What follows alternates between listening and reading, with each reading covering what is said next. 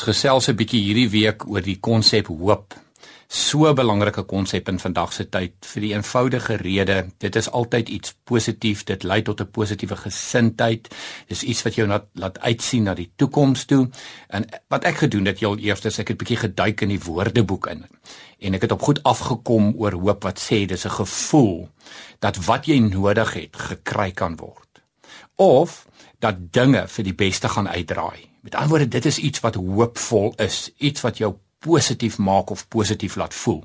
Iets anders wat ek op afgekom het is om uit te sien na 'n verwagting te hê en 'n vertroue in dit wat voorlê. Met ander woorde, dit word beskryf as 'n positiewe gevoel.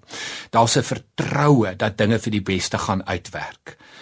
En dan moet ons tog vir mekaar ook net sê dat sonder hoop daar geen toekomsvooruitsig is nie en daarom mag ek en jy nooit nooit nooit veral in ons land hoop verloor nie. Ek het so 'n stukkie verder gaan gaan lees. Dr Michael Barry, hy is die direkteur van pastorale sorg in die oostelike streek in Amerika. Hy sê die volgende oor hooploosheid.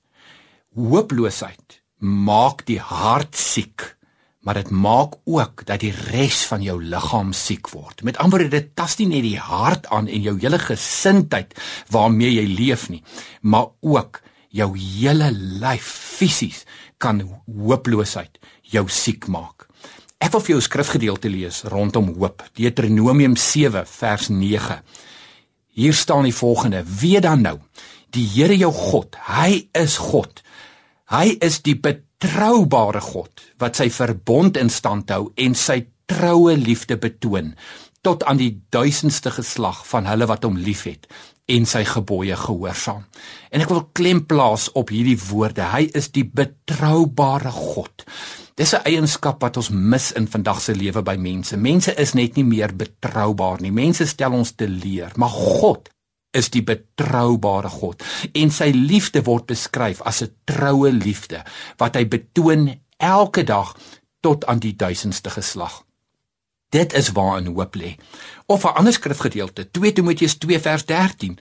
As ons hom in die steek laat en nie so getrou is soos ons moet wees nie, sal hy ons sowaar nooit in die steek laat nie, want dit is net nie hoe hy is nie. Wat 'n wonderlike waarheid.